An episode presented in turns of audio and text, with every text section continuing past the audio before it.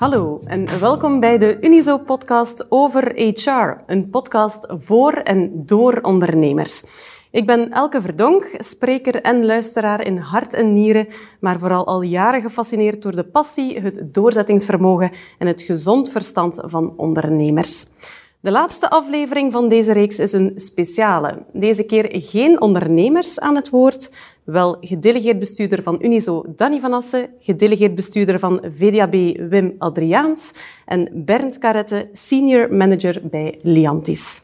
Van harte welkom iedereen. Dank u. Ja, zes afleveringen lang hebben ondernemers het hart op de tong gehad. We hebben heel wat aspecten van HR onder de loep genomen. Maar het is natuurlijk ook wel eens interessant hoe jullie vanuit jullie eigen werkingsveld hierover nadenken. Misschien ter introductie, um, Danny, ja, vanuit de hoek van de ondernemers ja, komen er heel veel noodkreten hè, op het vlak van HR, afgelopen jaren al. Ja, absoluut. En uh, zelfs vooral voor KMO-ondernemers is HR ongelooflijk belangrijk, want een KMO-ondernemer dat is niet alleen de CEO van het bedrijf, maar tegelijkertijd ook de CIO en de CFO, maar ook de HR-verantwoordelijke. Dus een goed HR-beleid in de KMO is bijzonder belangrijk.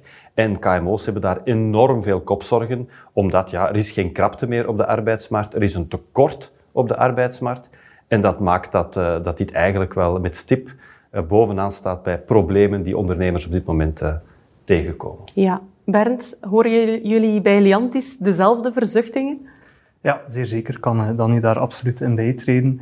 Ik denk dat het vooral kwestie is voor, voor de KMO ook, vandaag om te zien van, kijk, HR is niet het verhaal van de grote bedrijven. Dat is ook voor ons uh, als KMO steeds belangrijker, om daar uh, gestructureerd actief werk van te maken en te bekijken hoe dat je eigenlijk werk werkbaar kan houden voor alle leeftijden, voor alle groepen. Ja. Wim, jullie zitten bij VDAB aan de bron van de vacatures. Zien jullie tendensen? Welke bedrijven ja, doen het beter op de arbeidsmarkt dan anderen? Ja, dat zien we toch wel. En daar speelt dat HR-beleid natuurlijk een zeer belangrijke rol. Hoe profileer je naar mensen? Uh, welke missie draag je naar, naar, buiten? En hoe vertaal je dat ook in wat je dagelijks doet? Het zijn toch allemaal zaken waarmee je het onderscheid kan maken op een kappe arbeidsmarkt. Ja, absoluut.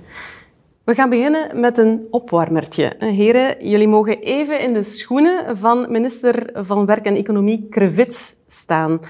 Wat zou voor jullie dan de prioriteit zijn op het gebied van personeelsbeleid, mochten jullie minister zijn? Wim, ik kijk even naar jou. Als jij minister van Werk zou zijn, dan? Dan zou ik werkgevers oproepen om de blik open te trekken. Om niet alleen te kijken naar wat iemand is, maar ook wat iemand kan worden, naar het potentieel van mensen. Om daarin dan ook te investeren. En om eigenlijk zoveel mogelijk mensen een kans te geven om zich te bewijzen. Mm -hmm. Bernd, zou jij beter doen? dat zou ik niet doen zijn. Maar uh, ik zou zeker en vast inzetten en blijven inzetten op het flexibel maken van werk. En ik zie dat op verschillende vlakken. Flexibiliteit op vlak van verloning, flexibiliteit in tewerkstellingsvormen. Uh, eigenlijk op veel verschillende manieren bekijken hoe kan flexibiliteit worden ingebouwd om op die manier eigenlijk maatwerk toe te laten tot op het niveau van de onderneming. Ja. Danny, wat als jij minister van Werk zou zijn? Ik zou het werkgelegenheidsbeleid een beetje op zijn kop zetten, denk ik. Ik denk dat we nog te vaak vertrekken bij werkgelegenheidsbeleid als het bestrijden van werkloosheid. Maar eigenlijk is het dat al lang niet meer. Het gaat over het opvullen en het opgevuld krijgen van, van vacatures. Misschien moet ik minister van vacature worden in plaats van van werk. En hoe moet je dat dan doen? Wel, ik denk dat je ook moet vertrekken vanuit die vacature. Vergelijk het een beetje met een uitzendbureau.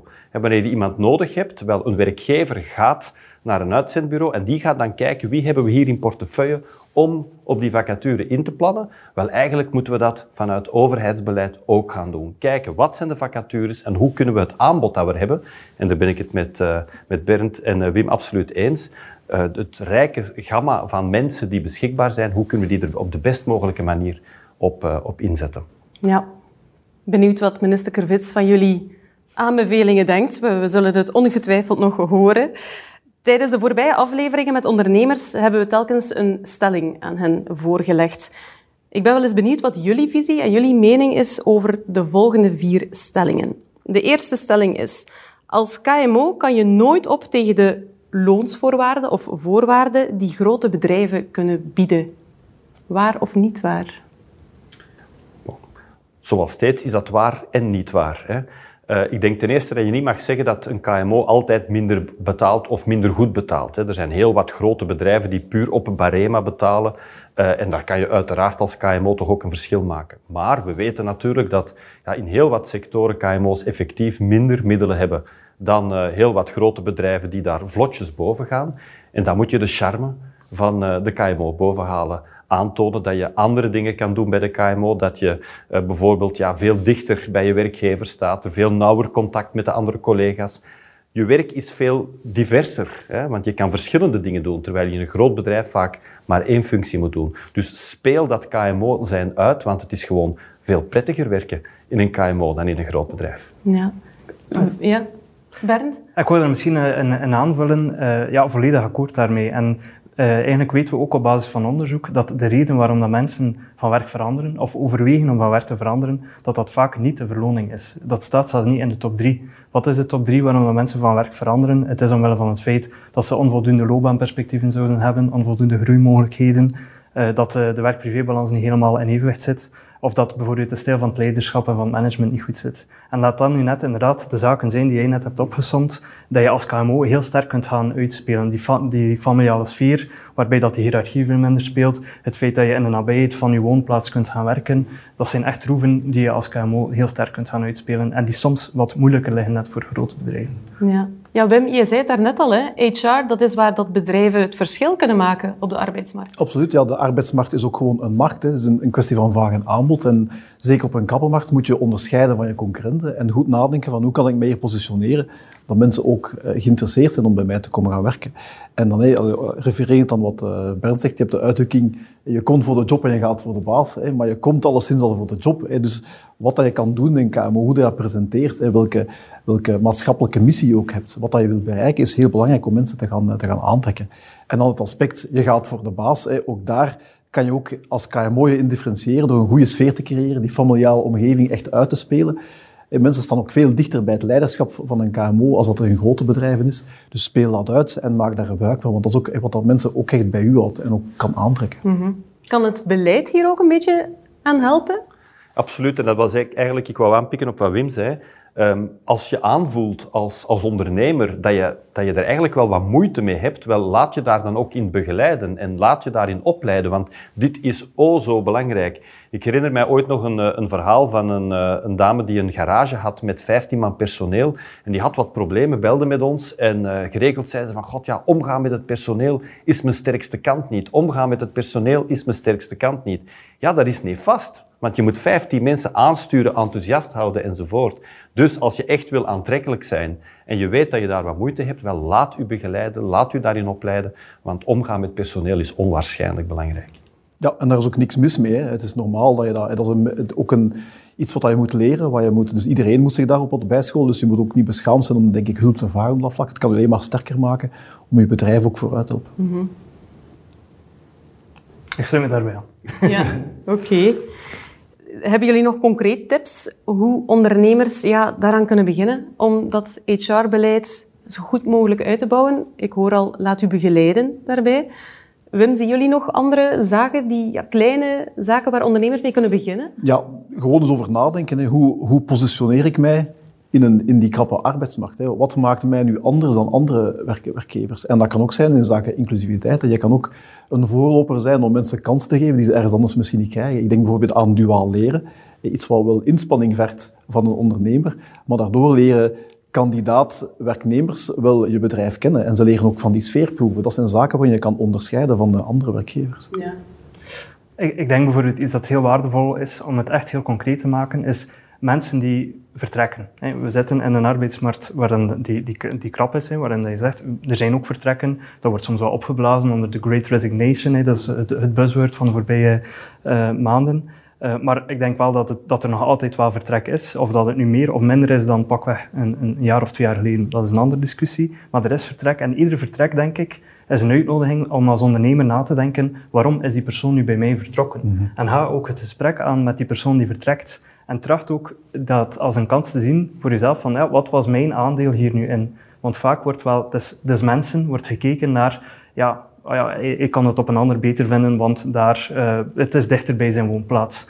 Uh, en dat kan misschien een oppervlakkige reden zijn, maar graaf ook wat dieper, want er zullen ongetwijfeld ook wel redenen zijn waar dat je zelf uh, een stuk uit kunt leren. En op basis van die gesprekken dan ook de gesprekken met de mensen die wel aan boord zijn, die wel geëngageerd in dienst zijn bij u, ook bekijken van wat vinden jullie aantrekkelijk bij, bij mij of bij ons als, uh, als werkgever. En ik denk dat je op die manier heel authentieke zaken naar boven brengt en dat je die dan verder kunt gaan uitspelen en uw uh, ja, employer brand, eh, zoals het dan vaak wordt. Ja, ik zou zo durven zeggen, wacht niet tot iemand vertrekt. Hè. Voer dat gesprek ja, ja, voilà, met mensen die er, er, er, zijn.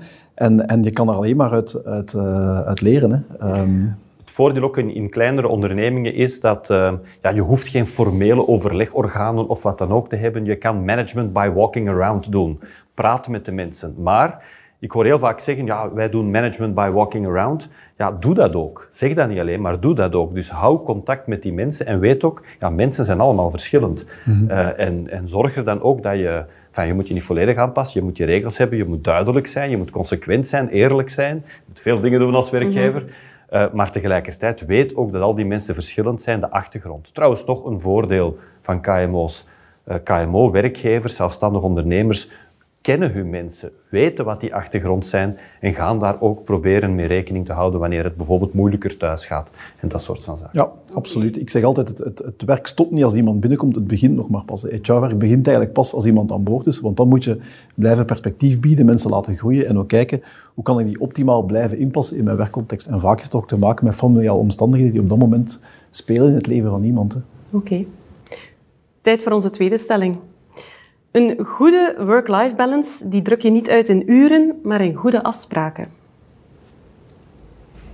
Ja, absoluut. En, en goh, uh, eigenlijk, fijn, uh, we kunnen niet anders dan uh, spreken dan over de afgelopen twee jaar. En ik weet, er zijn heel veel ondernemingen waar er niet getelewerkt is en, en waar men op een andere manier door heel het coronagegeven is gegaan. Maar als er één gamechanger is geweest in de afgelopen twee jaar, dan was het wel het ontdekken van het telewerk. Hè. En in heel veel bedrijven, we hebben daar cijfers van, van, van de SERF, die vroeger zeiden van ja, telewerken bij ons, dat gaat niet. Wel, uh, men heeft het gedaan. Het is gebeurd en it's here to stay. Uh, het is een onderdeel nu van de manier waarop een, uh, een bedrijf gaat organiseren. Maar er zijn twee aspecten aan. We hebben aan de ene kant ontdekt dat telewerk wel degelijk kan en dat het productief is en, enzovoort. Maar we hebben ook de grenzen ontdekt van het telewerk. We hebben ook ontdekt dat als je te veel en te lang en exclusief telewerkt, dat het ook nefast kan zijn voor je bedrijf. En dat je dus moet zorgen voor interactie, voor creativiteit. Mensen die elkaar niet tegenkomen, ja, daar, daar groeien geen nieuwe dingen. Uh, dat komt niet tot stand, die kennen elkaar niet, die gaan moeilijker samenwerken enzovoort. En ook dat hebben we ontdekt in die, die, die periode van twee jaar.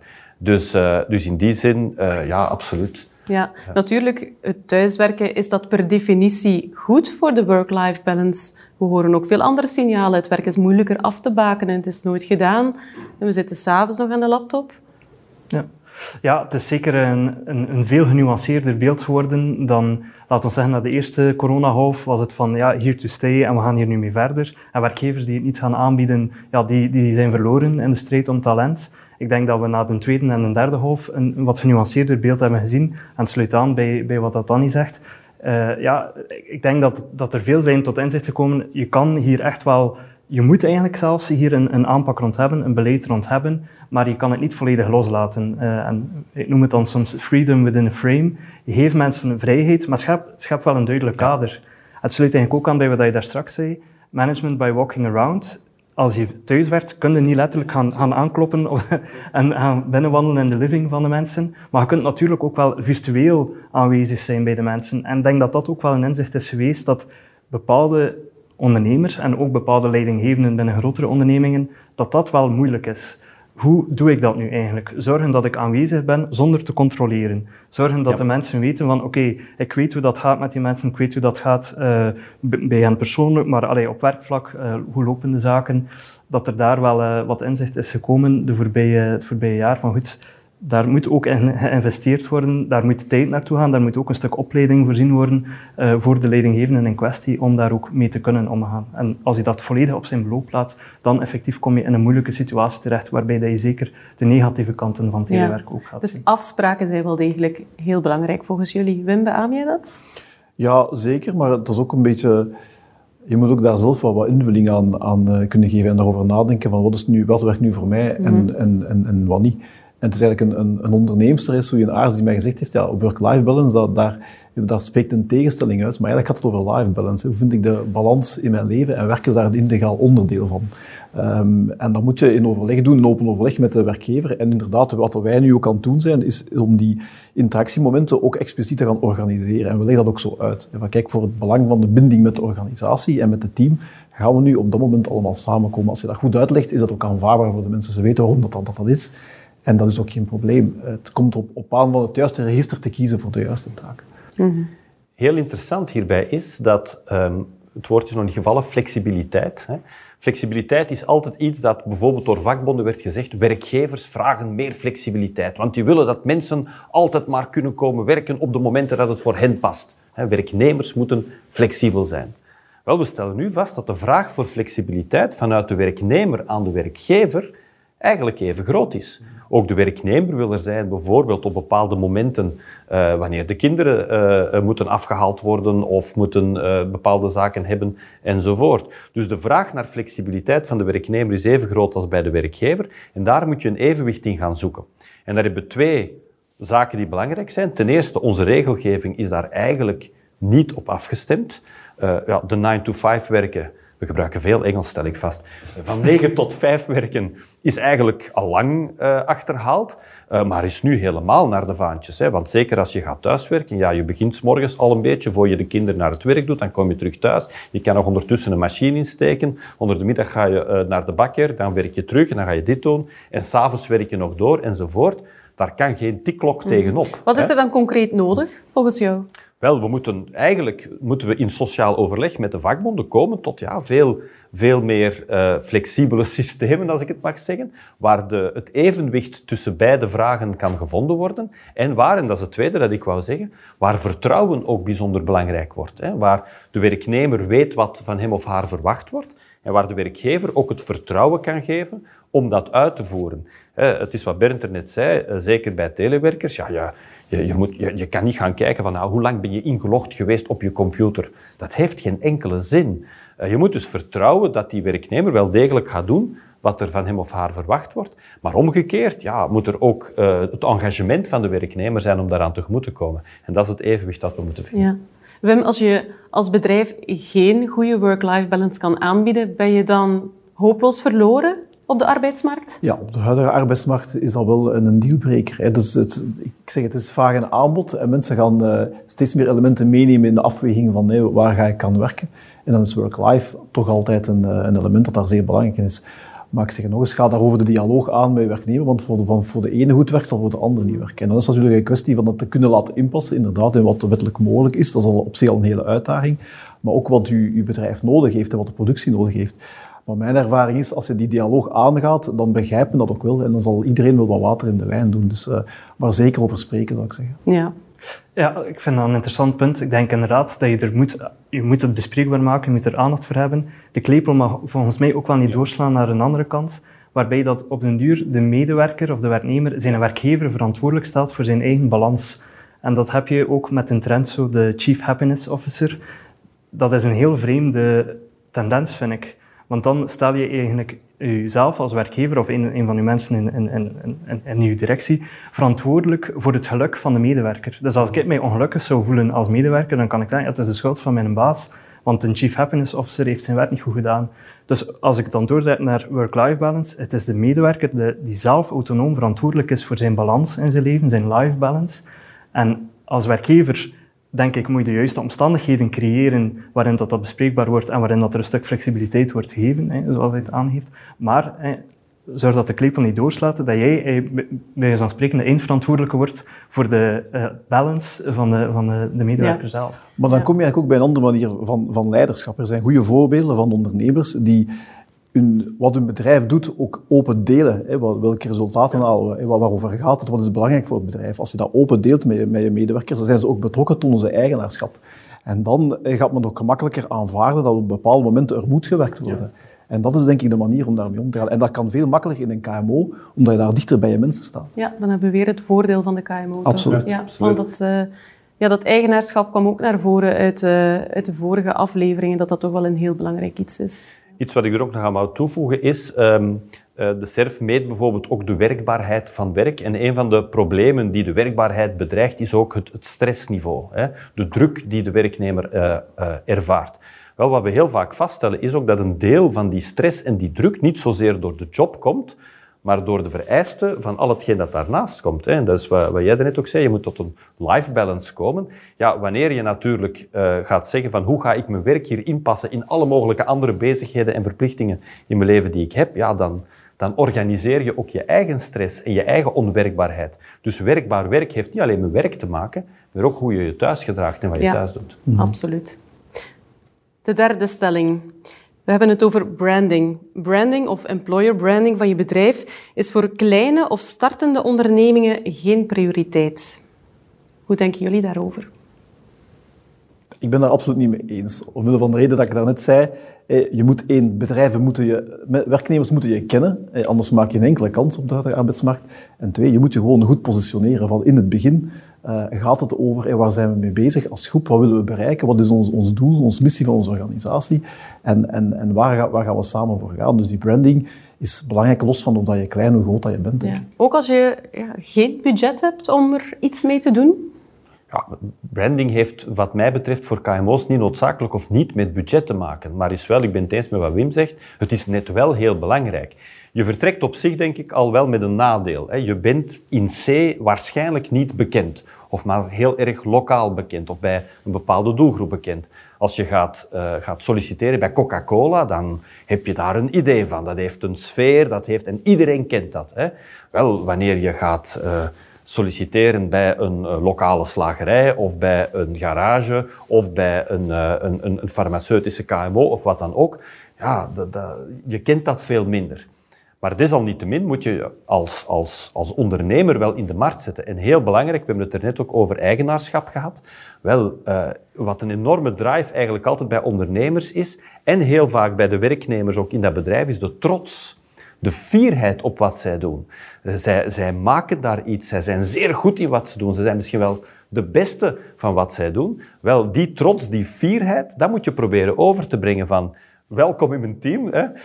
Um, ja, jij kan onderdeel worden van een team dat hier hele fantastische dingen aan het maken is. En dat is denk ik de employer branding die je moet overbrengen. Het gaat niet zozeer over mijn merk is bekend bij iedereen in de omgeving. Nee, nee, ik slaag erin om bijvoorbeeld aan die sollicitant over te brengen wat de missie, de visie van mijn bedrijf is, wat de sfeer van mijn bedrijf is en waar hij of zij dan een onderdeel van kan uitmaken. Voilà. En gebruik daar ook uw mensen voor, uw team voor. Zoals een ondernemer het best zal geloven als een andere ondernemer het zegt, gaat een werknemer dat ook best aanvaarden van andere werknemers. Gebruik uw eigen mensen om uw, uw brand te zetten. Ja. Bernd, hebben jullie tips voor startende ondernemers om daarmee aan de slag te gaan?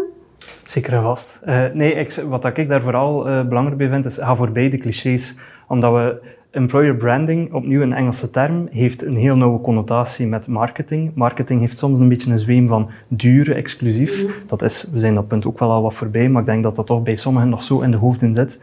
En employer branding, ja, eh, het is, al aangehaald geweest, is net iets heel... Het zal het best werken als het heel authentiek is en als het uh, niet duur is. Uh, als het eigenlijk vanuit de ziel, de, het hart van de mensen komt bij, bij de onderneming, uh, de, de ondernemer zelf.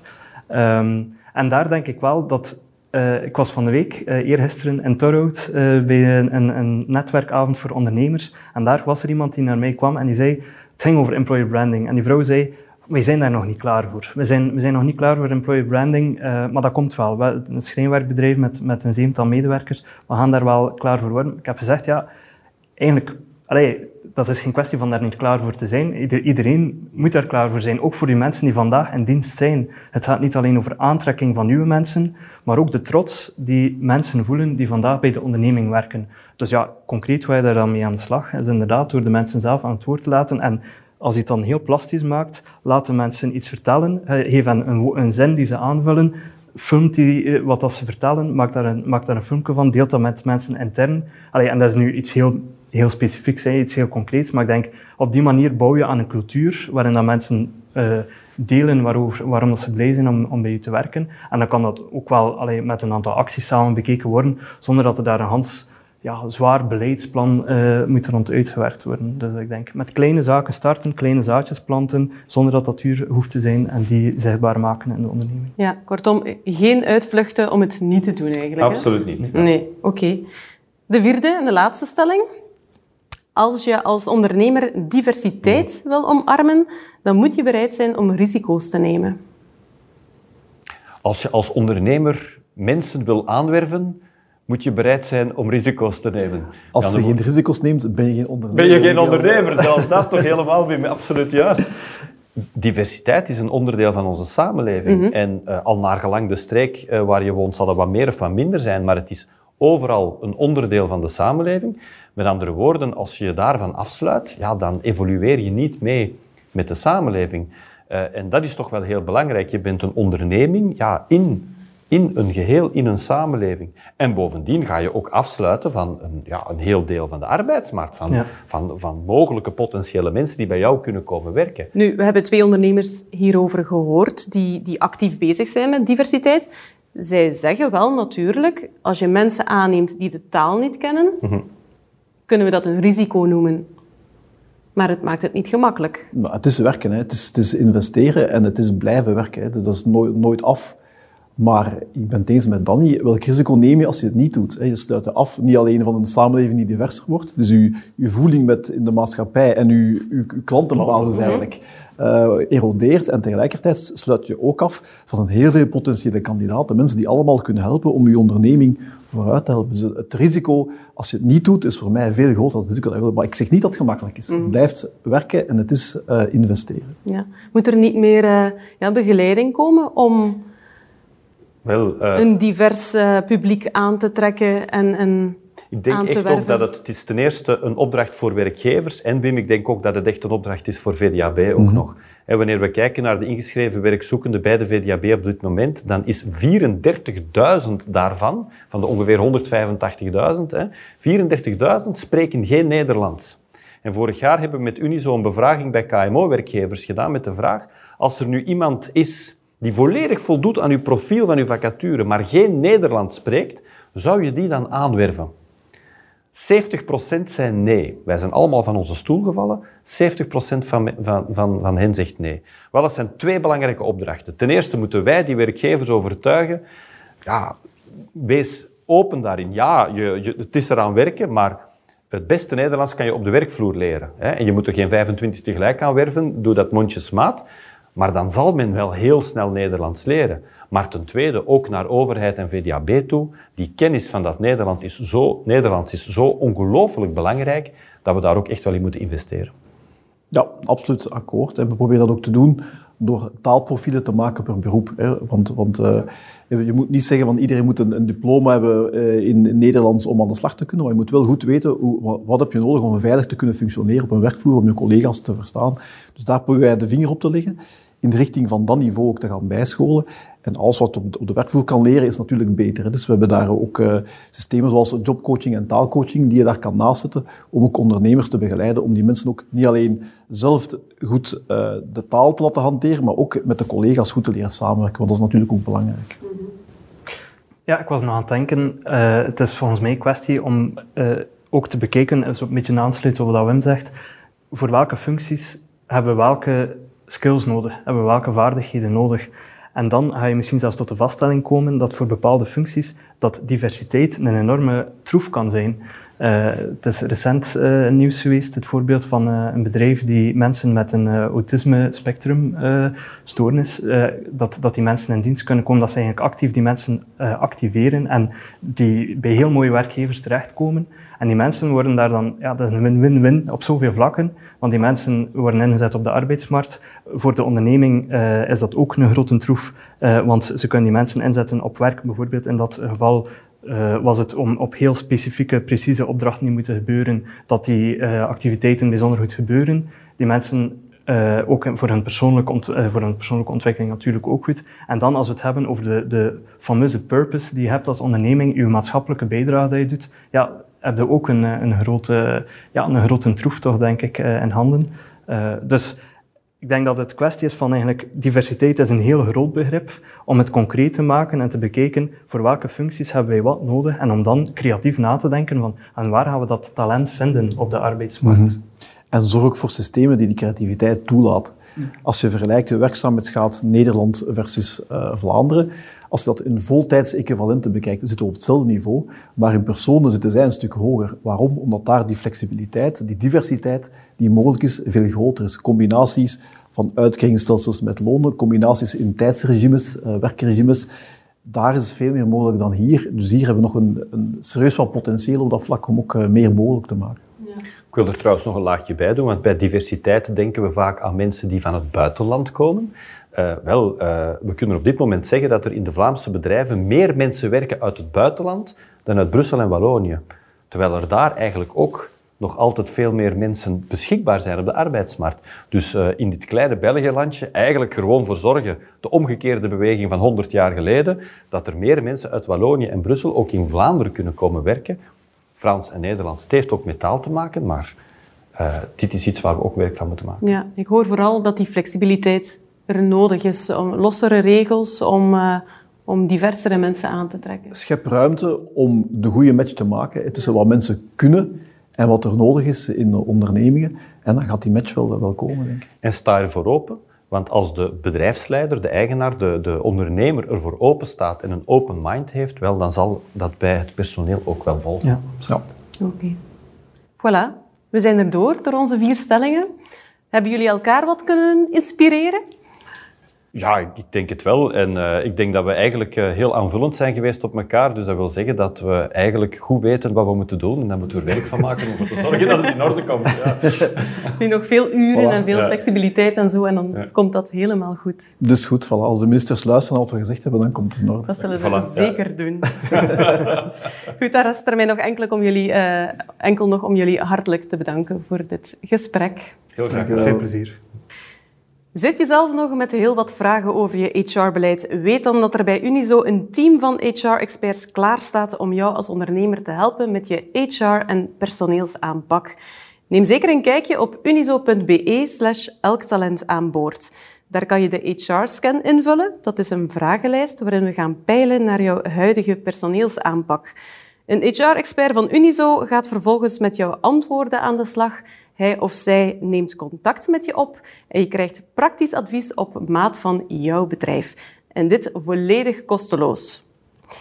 Namens Unizo, de HR-experts en mezelf, dank je wel om te luisteren naar deze podcastreeks over HR. We hopen dat je er iets van opgestoken hebt. En vergeet niet, de HR-adviseurs van Unizo staan steeds voor je paraat.